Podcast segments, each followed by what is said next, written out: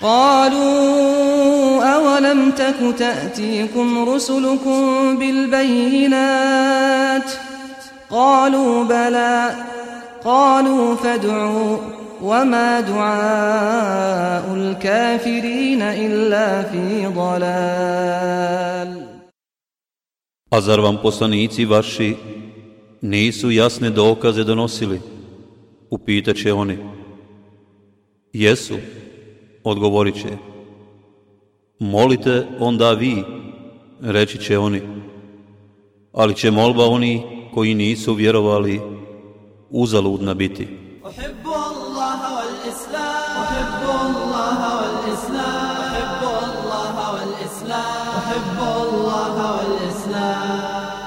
Kazivanje o Allahovim vjerovjesnicima. Kazivanje o Lutu alaihisselam. Kur'ansko kazivanje o Lutu alaihisselam spomenuto je u surama El Araf, Hud, El Hijr, shuara En Neml, El Ankebut, Es Safat, Es Zarijat i El Kamer. U skladu sa ajetima, hadisima poslanika Muhammeda sallallahu alaihi wasallam, predajama od ashaba, kao i nekim Israelijatima, navest ćemo kazivanje o Lutu alaihisselam. Lut alaihisselam je sin Harana, a on je sin Azera. Lut alaihisselam je, dakle, Ibrahimov alaihisselam bratić. Otac mu je umro dok je bio dijete, pa je odrastao u Azerovoj kući sa Amidžom Ibrahimom alaihisselam, kojeg je volio svim svojim bićem. Lut je jedini iz cijelog Ibrahimovog alaihissalam naroda povjerovao u Allaha, jedinog Boga i poslanstvo Ibrahima alaihissalam. Uzvišeni Allah kaže I Lut mu povjerova.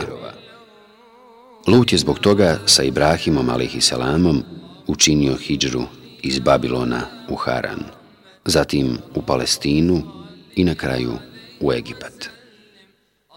Kada su se Ibrahim a.s. Sara, Lut i Hadžera vraćali iz Egipta u Jerusalim, goneći sa sobom mnogo stoke, robova i imetka, Allah uzvišen je Luta a.s. poslao stanovnicima oblasti Gaur, Zegar, da ih poziva vjerovanju Allaha, jedinog Boga, da im naređuje dobro i da ih odvraća od zla koje su činili. Ta oblast obuhvatala je pet gradova, i to su Sodoma, Saba, Saud, Gomora i Doha.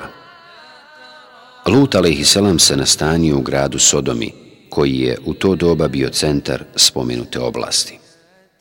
Stanovnici te oblasti bili su ogrezli nevjenici, bezbožnici i veliki pokvarenjaci, najgori ljudi koji su činili najodvratnija djela. Lut a.s. ih je pozivao da obožavaju Allaha uzvišenog, koji nema sudruga. Međutim, oni su bili uporni u svome nevjerstvu i nastavljali su živjeti u zabludi. Oni su uveli jedno sramotno djelo koje prije njih niko od ljudi nije radio. Naime, muškarci su polno općili sa muškarcima, a izbjegavali su to činiti sa svojim ženama. Zato im je Lut Selam govorio Zar činite razrat? koji niko prije vas na svijetu nije činio. Vi sa strašću prilazite muškarcima umjesto ženama. Ta, vi ste narod koji sve granice zla prelazi. Mufesiri kažu da su se muškarci zadovoljavali sa muškarcima, a također i žene sa ženama. Još veće zlo je bilo u tome što su to javno činili na svojim skupovima, nimalo se ne stidjeći navodi se da su se međusobno ismijavali zbog toga. Zato su postali oličenje razvrata.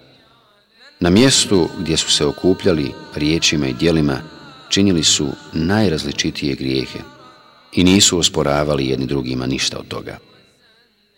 Tako su između ostalog na svojim sjelima javno puštali vjetrove, ne stideći se jedni drugih. Organizirali su borbe ovnova i pijetlova, a bavili su se i drumskim razbojništvom. Po putevima su presretali ljude, ponižavali ih, ubijali i pljačkali im imovinu. Ružno li je bilo to što su radili? Pored svega što su činili, nisu obraćali pažnju kada bi im neko upućivao savjet ili im govorio o pravim stvarima. U svemu tome bili su gori od životinja. Lut Alehi selam ih je pozivao vjerovanju Allaha uzvišenog i poslušnosti poslaniku i odvraćao ih od griješenja. On ih je upozoravao na Allahovu kaznu, ali su oni te prijetnje smatrali lažnim. Nisu se prolazili ničega što su činili tada, nisu se kajali za ono što su činili prije, kao što nisu pokazivali nikakve znake da će se u budućnosti nabolje mijenjati. Pošto nisu shvatali ništa od ovog čemu ih je pozivao, njihov jedini odgovor bio je istjerajte Lutovu porodicu iz vašeg grada, oni su ljudi čistunci. Tako su krajnije pohvalne vrline smatrali porokom, zbog koga ih treba protjerati. Na ovakve riječi navodio ih je samo njihov inat. Pošto je vidio da se oni neće proći svoje zablude, on ih se odrekao.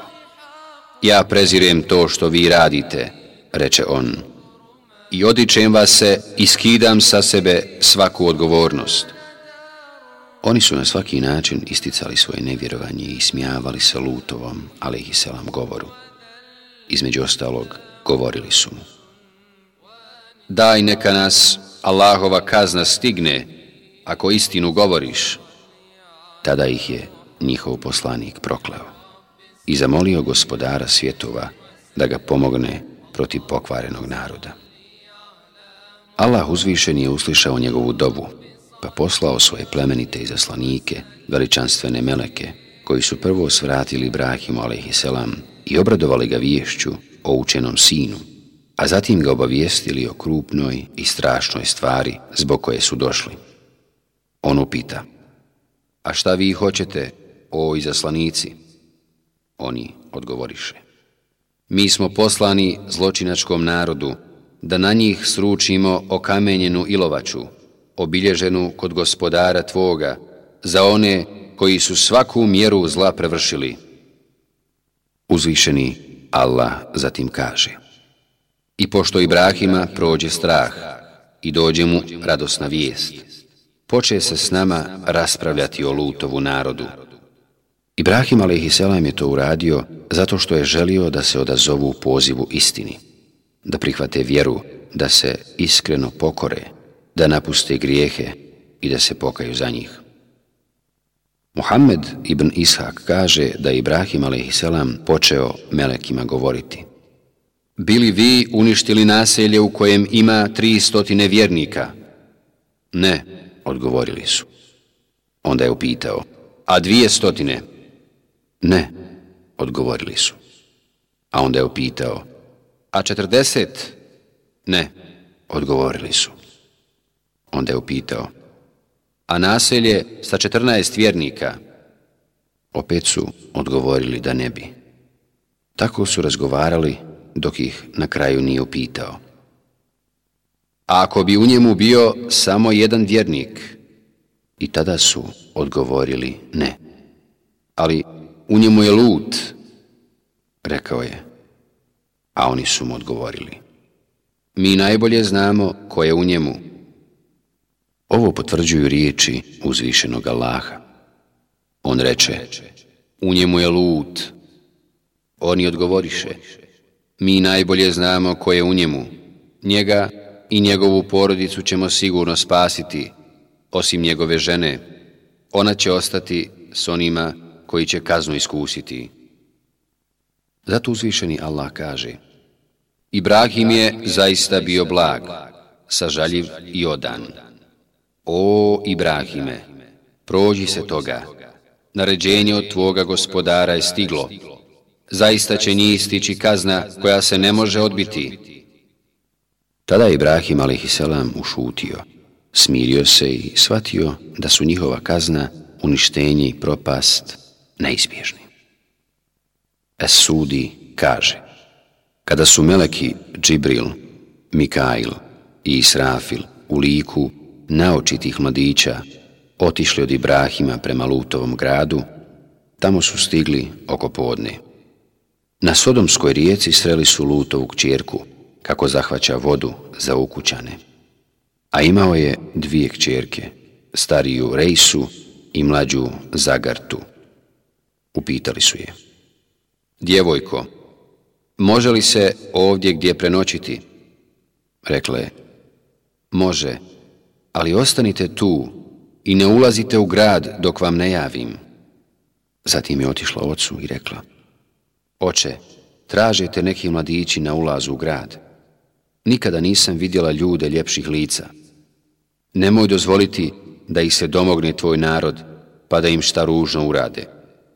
On se bojao ako ih ne ugosti, da će ih ugostiti neko drugi, a bili su mu prethodno zabranili da ugošćuje muškarce. Zbog njih se nađe u neprilici i osjetiti skobu u duši, pa reče, ovo je strašan dan. Kada su od njega zatražili da ih ugosti, zastidio ih se. Krenuo ispred njih i počeo ih nagovarati da odu odatle i smjeste se u drugo mjesto između ostalog rekao im je. Tako mi je Allaha, na čitavom svijetu ne znam gorih ljudi od stanovnika ovog mjesta. Zatim je malo prošetao, pa se vratio i isto ponovio nekoliko puta. Ipak ih je primio i to su znali samo njegovi ukućani. Međutim, njegova žena je otišla do njegova naroda i obavijestila ih da su u Lutovoj kući zakonačili neki ljudi i da su tako lijepi da ona ljepših muškaraca nikada dotada nije vidjela. Tada je svijet pohrlio prema njegovoj kući. Uzvišeni Allah kaže I onima koji ne vjeruju, Allah navodi primjer Nuhove žene i Lutove žene. One su bile udate za naša dva dobra roba, pa su ih iznevjerile zato im njih dvojica neće ništa moći kod Allaha pomoći i bit će rečeno Uđite vas dvije u vatru sa onima koji ulaze. One nisu činile blud, jer žene vjerovjesnika su zaštićene od mogućnosti da to učine zbog izuzetne časti vjerovjesnika, nego su ih iznevjerile u vjeri. Ibn Abbas radijallahu anh i drugi učenjaci iz prvih generacija kažu Nikada žena ni jednog poslanika nije počinila blud. Uzvišeni Allah je nakon teških riječi izgovorenih na račun Aiše, žene poslanika Muhammeda sallallahu alihi wasallam, od strane onih koji su je potvorili, objavio da ona nije počinila grijeh, a zatim ukorio, posavjetovao i upozorio vjernike riječima. Kada ste vi to svojim jezicima prepričavali, i kada ste svojim ustima govorili ono o čemu niste ništa znali. Vi ste to smatrali sitnicom, ali je to kod Allaha krupno. Zašto niste, čim ste to čuli, rekli? Nije naše da mi o tome govorimo. Slava tebi, Allahu. To je velika potvora. Uzvišeni Allah kaže. Tada dođuše stanovnici grada, veseli.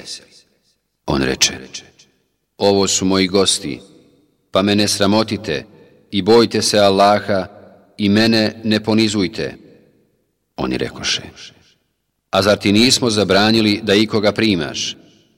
Eto vam mojih čeri, ako hoćete nešto da radite, reče on. fesiri kažu da je Lut, alaihisselam, iza zaključanih vrata pokušavao spriječiti svoj narod da provale u kuću, dok su ovi navaljivali na vrata i nasilu htjeli ući. On ih je iza vrata savjetovao i upućivao da prilaze svojim ženama, što im je bolje, riječima. O narode moj, eto mojih čeri, one su vam čistije. Nije mislio na svoje rođene kćeri, nego na pripadnice njegovog ummeta, a svaki vjerovjesnik je kao otac svoga ummeta, kao što su i njihove žene, majke vjernika. Međutim, i pored svega, oni se nisu ni na što bazirali, ni grijeha prolazili, nego su, što ih je više odvraćao, bili sve uporniji da dođu do njegovih gostiju. Nisu bili svjesni u šta srljaju i šta ih sljedećeg jutra neizbježno čeka. Iz njegovih riječi, bojte se Allaha i nemojte me sramotiti pred mojim gostima. Zar među vama nema razumna čovjeka? Može se razumjeti da među njima nije bilo ni jednog čestitog i poštenog čovjeka. Svi su bili maloumni, veliki griješnici i okorjeli nevjernici. Upravo su to i zaslanici Meleki htjeli da čuju iz njegovih usta, prije nego ga o tome išta upitaju. Oni su mu odgovorili. Ti znaš da nama nisu potrebne žene. Ti zaista znaš šta mi želimo. Oni su i dalje bili ustrajni u svome razvratu. Ovako ružnim riječima oni su dočekivali svoga poslanika, ne bojeći se Allahove kazne. Kada je postalo teško i neizdrživo, Lut i selam je rekao Ah, da ja samo imam moć nad vama, ili da se mogu osloniti na kakvu veliku silu? Meleki su tada rekli, O lute, mi smo izaslanici gospodara tvoga, oni tebi ne mogu nauditi. Zatim je Lut, selam, uputio dovu. Gospodaru moj, sačuvaj mene i porodicu moju kazne za ono što oni rade. Džibril je tada izašao pred svijet, i policima ih udario rubom svoga krila, pa su oslijepili. Čak se navodi da su im oči potpuno upale, tako da nije ostalo ni traga gdje su bile. Odatle su se vratili svojim kućama, pipajući po zidovima i prijeteći Allahovom poslaniku. Sutra ćemo se mi s tobom obračunati. Prije nego što je stigla kazna za njih, bili su opomenuti da će ih ta Allahova kazna zadesiti. I umjesto da ga poslušaju, oni mu nisu vjerovali i u laž su ga ugonili. Uzvišeni Allah kaže On im je prijetio našom silom, ali su oni u upozorenja sumnjali. Oni su od njega njegove goste tražili, pa smo ih oslijepili. Iskusite moju kaznu i moje prijetnje, i rano ujutro ih je stigla neprekidna kazna. Nagovještavajući propast tih pokvarenjaka, prokletnika i griješnika, meleki su Lutu selam rekli. Roki im je zora, a zar zora nije blizu? Meleki su, nakon što je prošla prva polovina noći, prišli Lutu selam i naredili mu da sa svojom porodicom izađe iz grada i da se niko od njih ne okreće kada čuje odijek kazne kako se spušta na njegov narod. Oni su mu također naredili da ide iza njih, kako bi ih pratio i čuvao. Kada su se udaljili od svoga grada i kada je sunce bilo na izlasku, na njegov narod se spustila Allahova žestoka kazna. Allah uzvišeni je lutov, i selam narod, kaznio različitim oblicima kazni. Najprije ih je zadesio strašan, tutnjeći, gromoglasni, žestoki glas pri izlazu sunca. Zatim je Džibril rubom svoga jednog krila, a ima ih šestotina, potkopao njihove gradove i zajedno sa njihovim stanovnicima, stokom i svim što je tim gradovima pripadalo, podigao do neba, tako da su meleki čuli govor ljudi, kukurijekanje pjetlova i lave špasa. Potom je to izvrnuo i tresnuo od zemlju. Uzvišeni Allah kaže i kada dođe naša odredba. Mi sve prevrnu smo. Ono što je bilo gore, bi i dolje. Zatim im je Allah uzvišeni poslao kišu od skamenjene zemlje. Uzvišeni Allah kaže I na njih kao kišu spusti smo grumenje od skamenjenog blata koje je neprekidno sipalo, obilježeno od gospodara Tvoga, a ono nije daleko od nasilnika. Na svakom komadu je bilo utisnuto ime onoga kome je namijenjeno.